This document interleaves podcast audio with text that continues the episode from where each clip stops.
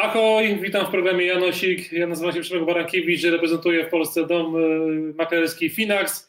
Finax, podobnie jak Janosik, pochodzi ze, ze Słowacji, ale spokojnie nie będziemy tutaj mówić o tym, jak y, ograbiać rynki kapitałowe, ale jak czerpać bogactwo z tych rynków. a właściwie będą mówić moi goście, a dzisiaj jest nim Robert Sochalski z Beta Securities. Cześć Robert. Cześć, cześć, dzień dobry.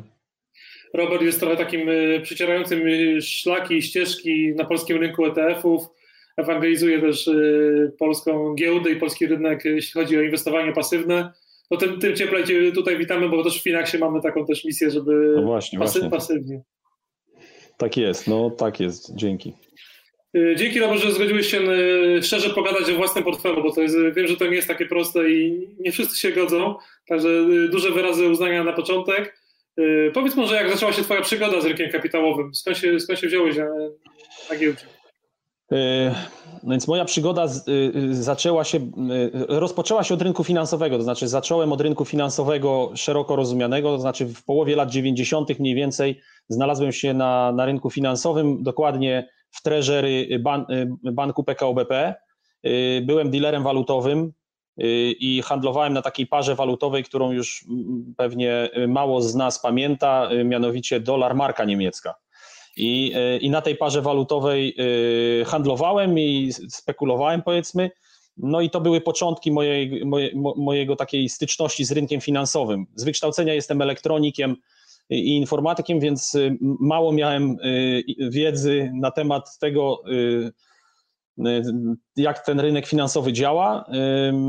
No i, i, i te, te początki były takie Y, bym powiedział, y, ściśle sfokusowane na, na tym rynku walutowym i, i, i, y, i na tych parach walutowych, którymi się zajmowałem. Natomiast później rzeczywiście, ale również w bankach przez prawie 20 lat zajmowałem się okolicami treasury, czyli, czyli byłem i w, i w Credit Lyonnais i później znowu w PKO BP, później w BGK. Cały czas gdzieś tam z tym obszarem odpowiedzialności zbliżonym do treasury. Y, a później y, w 2011 y, przeszedłem już na taki rynek kapitałowy, można powiedzieć, giełdowy, bliżej, czy bliżej tego rynku. Więc ta, ta moja przygoda z takim typowo kapitałowym rynkiem giełdą to jest stosunkowo niedługa. No i, i byłem na początku zajmowałem się takimi transakcjami bardziej prywatnymi, takimi w cudzysłowie mówiąc private equity, a później y, rzeczywiście nieco bardziej rynkiem y, publicznym, a już w ostatnie pięć lat y, to są ETF-y właśnie i od pięciu lat przez pierwsze trzy próbowaliśmy w ogóle ETF-y odpalić, a później, a w tej chwili no już od, od dwóch lat one działają i, i, i tym się zajmujemy. Tym się ja zajmuję. Okej, okay, to dzięki. Przyznaj się teraz, z czego będziesz miał emeryturę, bo zakładam, że taki gościu z takim doświadczeniem finansowym, to pewnie ma wszystko poukładane i nawet dokładnie wie, ile na tej emeryturze będzie czerpał ze swojego portfela. No, nie jestem pewien, czy, czy to jest tak, tak oczywiste i tak, y, tak y, poukładane. Mm, znaczy tak, y, nie liczę na zbyt duże mm, profity z, rzeczywiście z emerytury ZUS-owskiej, prawda?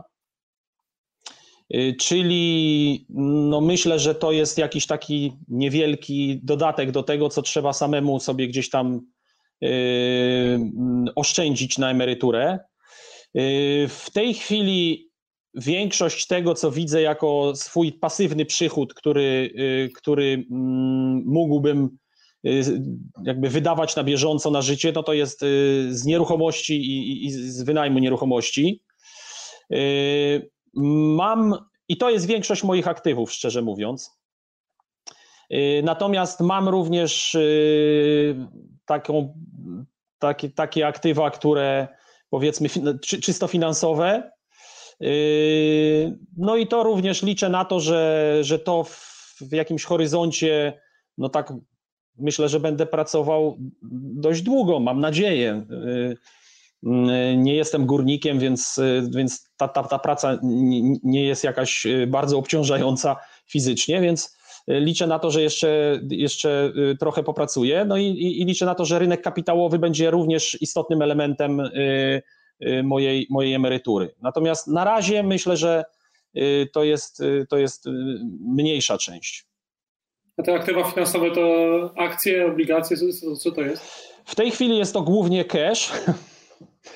Mam trochę y, rzeczywiście y, w ETF-ach, y, ale naszych, czyli, czyli w dwóch de facto WIG20 i, i MWIG40. Natomiast no, rzeczywiście mm, tutaj mam dużo do zrobienia. To znaczy, powinienem po pierwsze nieco zwiększyć swoje Y, spektrum tych, tych inwestycji, które robię, bo y, znaczy ja generalnie y, oczywiście, i to nie mówię tego dlatego, że akurat zajmuję się ETF-ami, tylko dlatego, że na tym rynku finansowym szeroko rozumianym jestem naprawdę od bardzo długiego czasu i uważam, że zarabianie na takich pojedynczych pozycjach jest bardzo trudne. Są tacy ludzie, którzy to robią z pewnością, którzy stosunkowo niewielkimi, niewielką dywersyfikacją y, i, i selekcją spółek są w stanie zarabiać pieniądze. Y, ja pewnie do takich ludzi nie należę, y, mimo że niby jest, mam, mam certyfikat CFA, ale nie czuję się na siłach, żeby wykorzystać go w sposób, który tak systematycznie byłby w stanie dla mnie y, zarabiać y, pieniądze z, selekcji akcji, więc y, raczej, raczej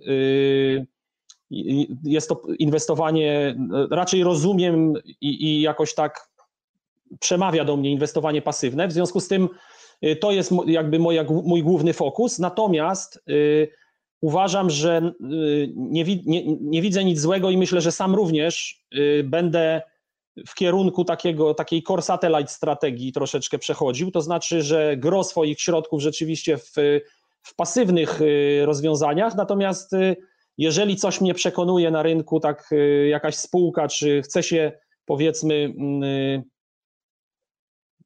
skoncentrować na, na jakimś pojedynczych pozycjach, to, to również ja uważam, że to jest jak najbardziej w porządku i, i, i nie wykluczam absolutnie, że sam będę również kupował pojedyncze spółki po to, żeby ewentualnie dać sobie szansę na, y, na jakieś y, dodatkowe ryzyko i dodatkowe, dodatkowy zwrot w związku z tym.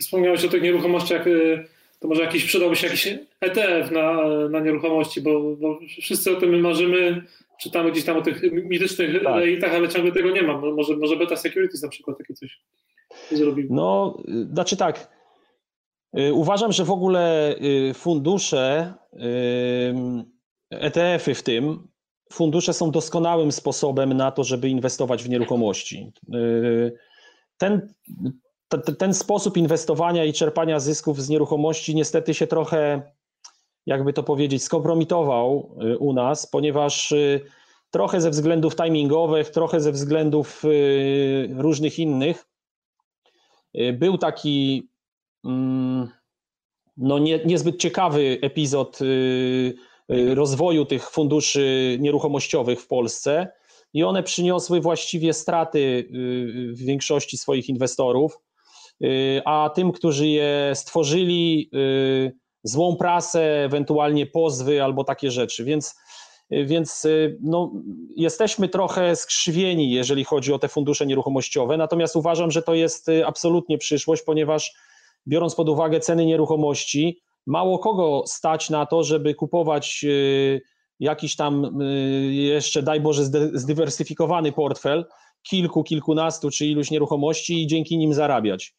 Y, więc fundusz, który jest wehikułem takim dającym od razu dywersyfikację i skupiającym wielu inwestorów i, i dzięki temu umożliwiającym dywersyfikację i, i w związku z tym obniżenie ryzyka, no to jest, wydaje się, doskonałym narzędziem. Natomiast y, no nie jestem pewien, czy, czy jest dużo chętnych w tej chwili, y, którzy by y, weszli w fundusze nieruchomościowe. Jeśli tak, no to z pewnością byłoby to, byłoby to dobre rozwiązanie. No, ETF-y są o tyle ciężkie, że to musiałoby być, musiałby być jakiś indeks, musiałby być jakiś inwestowalny indeks, który, który moglibyśmy naśladować. Czegoś takiego w Polsce nie ma. Są oczywiście rejty, czyli amerykańskie i można by było coś w oparciu o to zrobić. Natomiast wydaje mi się, że same w sobie ETF-y są jeszcze stosunkowo mało rozpropagowane w Polsce. Jak do tego dodamy klasę aktywów, y, czy ten skrót rate, który, y, który się z tym wiąże, y, no to może być w dwójnasób ciężko to sprzedać, ale być może się mylę. Wydaje mi się po prostu, że, że, że jest to. Yy, znaczy tak, na pewno fajna klasa aktywów, na pewno warto yy, się temu przyglądać. Y, gdyby ktoś chciał zrobić, y, trochę wrócić do tych pomysłów y, z, z lat 2000, gdzie tworzono fundusze nieruchomościowe i gdyby, i gdyby coś takiego na rynku się pojawiło, to z pewnością jest to bardzo ciekawy sposób na inwestowanie. No jeszcze, żeby one miały jakieś sensowne opłaty za zarządzanie, no to to jest jakby też, ale myślę, że myślę, że to mogłoby mieć, y, to, to, to jest rzecz, która na pewno miałaby, miałaby y, przyszłość. No. No dobra, to te nieruchomości, one, one są trochę mniej płynnym aktywem. A ja chciałem tak. się, Ciebie zapytać o, o tak zwaną mityczną poduszkę finansową, czy taką rezerwę finansową. Masz takie coś na, na czarną godzinę? To jest ten cash, o którym wspominałeś, czy, czy Tak, innego? znaczy tak, no mam, taki, mam taką płynną część, powiedzmy bardzo, czyli cash, no. Yy, I to, to mi wystarczy na tam jakieś powiedzmy. Yy, Ale czy masz go fizycznie, czy na koncie w banku? na koncie w banku. Na, na koncie w banku, to, tak. To niedługo możesz płacić, płacić odsetki. No to, to, to wtedy, wtedy rzeczywiście stanie się, wtedy rzeczywiście stanie się jakiś yy, no trzeba będzie się zastanawiać, co z tym robić. Yy, no na razie na szczęście nie płacimy za, za salda na, na rachunkach. Yy, to się może zmienić. To wtedy jest rzeczywiście nieco cięższe. W tej chwili no rzeczywiście jest to bez, taki bezpieczny sposób, żeby na te powiedzmy rok czy dwa y, mieć pieniądze na to, żeby przeżyć, gdyby coś się tam działo, prawda? Natomiast y, no, gdyby zaczęło się płacić za to, no to rzeczywiście jest, y, jest to nieco bardziej mm, problematyczne trzymanie tego w cashu, no i wtedy trzeba by było pewnie jakoś w, w, nieco, w nieco bardziej ryzykowne może, ale, ale płynne również aktywa to, to lokować. No, to myślę, że myślę, że to jest, znaczy taka poduszka płynnościowa, myślę, że to jest bardzo istotne, żeby mieć coś takiego. Natomiast no jej wielkość to każdy tam do swoich potrzeb oczywiście dostosowuje. No ja trochę więcej mam teraz z racji, z racji tego, że jakby dopiero przymierzam się do, do takich y, powiedzmy właśnie inwestycji na, na nieco bardziej globalnym rynku, bo w tej chwili jestem tak skoncentrowany bardzo mocno na Polsce i też nie uważam, żeby to było najlepsze, szczerze mówiąc. Jasne, to, ale wiesz co, ale to skupmy się jeszcze na Polsce. Jakbyś miał, miał taką magiczną władzę i taką czarodziejską różdżkę, że mógłbyś zmienić jedną rzecz na tym polskim rynku kapitałowym, żeby go trochę bardziej rozwinąć, pchnąć, pchnąć w górę, to co by to było? No, znaczy wiesz co, nie, nie jestem pewien, czy jest taka jedna rzecz, która y, mogłaby y, zmienić oblicze rynku. Myślę, że rynek y, taki, który rozwija się z dużym sukcesem od rynku, który się jakoś tak toczy, bym powiedział, mało spektakularnie, no to odróżnia nie, nie, nie odróżniają ich pojedyncze rzeczy, tylko szereg rzeczy, które wokół tego rynku są, więc gdyby taka jedną rzecz, jedyną, gdybym mógł zmienić, to ona by, to, to ja bym ją y, zaproponował, może niekoniecznie jest to na rynku kapitałowym, raczej byłaby to inicjatywa edukacyjna polegająca na tym, że od czwartej klasy szkoły podstawowej wszyscy y, do studiów albo do studiów włącznie y, powinni mieć zajęcia z jakichś tam podstaw mikro i makroekonomii, bo szczerze mówiąc, y, rozumienie mechanizmów ekonomii czy mechanizmów tak, takich rynkowych y, wpływa na wszystkie aspekty naszego życia y, i na politykę, i na gospodarkę, i na nasze finanse osobiste, i na postrzeganie świata w ogóle, naszą wiarę w innych ludzi. Także ten, ten wpływ jest ogromny, więc ja bym, ja bym, jeżeli mógłbym coś zrobić tak po prostu stryknięciem, to bym wprowadził jakiś sensowny wymiar. Jeżeli religii są dwie, godzi dwie godziny w tygodniu, to spokojnie ekonomii mogłyby być również dwie godziny w tygodniu. No, mądrość ciebie przemawia, ale rozumiem, że ta mądrość mogła być zbudowana na jakichś błędach inwestycyjnych. Ja namawiam też tutaj moich gości do tego, do tego żeby się przyznali do tego jednego błędu, może największego, który e, na rynku padł ich udziałem. Co by to było u ciebie? Znaczy, ja jestem niestety lub niestety y, człowiekiem o dosyć niskiej skłonności do ryzyka. Myślę, że to jest w sumie niestety chyba. Y, więc tych moich takich błędów inwestycyjnych y, nie było zbyt wiele. Natomiast jedną rzecz, która uważam za swój błąd, powiedzmy, było w latach 90. właśnie rozkwicie tego typu inwestycji właściwie, to było ubezpieczenie na życie z funduszem inwestycyjnym. Uważam, że to był, uważam, że to był mój błąd. E, I nie chodzi nawet o to, że ja straciłem tam jakieś pieniądze, e, tylko chodzi o to, że po pierwsze, powinniśmy dokładnie rozumieć to, co robimy. To znaczy, jeżeli ktoś nie jest w stanie nam dokładnie wytłumaczyć, co ja kupuję, to nie powinniśmy tego robić. A ja wtedy byłem w sytuacji niezbyt bym powiedział, y, dogłębnego zrozumienia rynku kapitałowego, rynku finansowego może owszem, walutowego owszem, natomiast niekoniecznie y, kwestii związanych z ubezpieczeniem i z, y, i z inwestowaniem na rynku kapitałowym. Dodatkowo miałem dosyć pobieżne zrozumienie różnego rodzaju opłat i, i powiązań pomiędzy produktami i sposobów przepływu różnych opłat i, i prowizji pomiędzy produktami. Uważam, że dużo lepszym rozwiązaniem jest kupienie po prostu oddzielnych dwóch produktów, które bardzo jasno pokazują, co ile kosztuje, niż e, łączenie w, je w większe konglomeraty, w, w których e, niewiele osób potrafi się zorientować, e, być może poza tymi, którzy je przygotowują i wyceniają.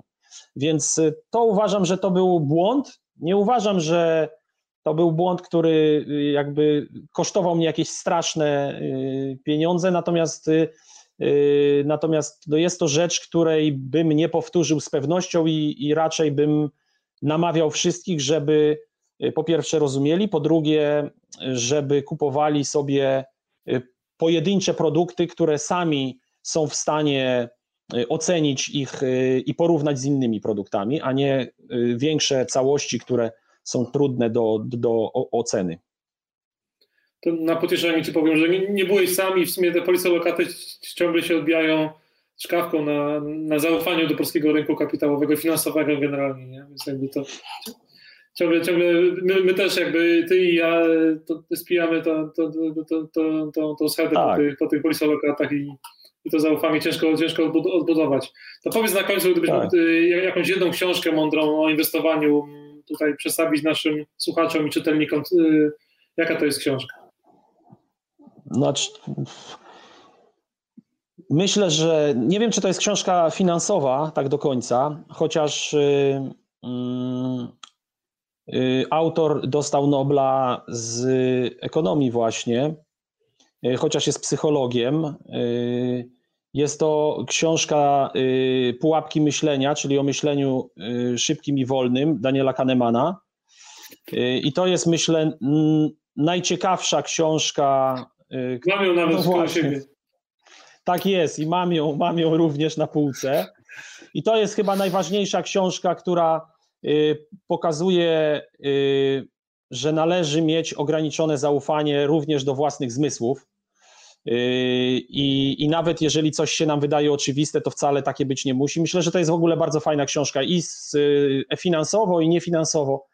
Yy, taka bardziej finansowa, no to, yy, to, to Taleba Black Swan, który gdzieś tam właśnie pewnie leży obok ciebie. Skąd wiedziałem. No. Akurat dwie książki gdzieś pokazywałem, które bardzo lubię. Aha.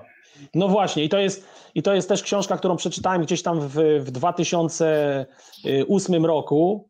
Y, I, y, I rzeczywiście mm, y, to była książka, która pierwsza otworzyła mi oczy na, na błędy postrzegania rzeczywistości, jakie mogą nas dopaść i, i, i takie bajasy właśnie, które nas właściwie dopadają wszędzie. To trochę pogłębił Kahneman, doskonałe takie podaje przykłady badań, które uzmysławiają nam, że nawet powinniśmy mieć ograniczone zaufanie do, do naszego zmysłu, wzroku, y, także w zależności od tego, co robimy w danym momencie. Także to jest, y, to jest w ogóle bardzo ciekawa książka. Może nie należy jej brać dosłownie, że jak coś zobaczę, to, to później nie wierzę w to, co zobaczyłem, ale, ale myślę, że warto, szczególnie na rynku finansowym, mieć trochę pokory, jeśli chodzi o, o postrzeganie rzeczywistości i takie przekonanie, że jesteśmy nieomylni y, i, i mamy rację. No. Także... Pełna, zgoda, pełna zgoda z tym ostatnim stwierdzeniem. Co ciekawe, Taleb napisał ją kilka lat temu, bo po, po, tym ostatnim roku, który jest za nami, to miałby dużo większe pole do, do, do popisu, bo to się wydarzyło, to chyba zaskoczyło, tak, nawet, tak, tak. nawet, nawet czarnego łabędzia. Wielkie dzięki Robert za, za, za to, Dziękuję bardzo. z nami. Ja zachęcam Was wszystkich do wysłuchania innych y, na, naszych rozmów y, w aplikacji mobilnej Finax, ale też na stronie na, YouTube, na YouTubie. Subskrybujcie nas będzie ciekawie. Do zobaczenia. Dzięki. Dziękuję bardzo.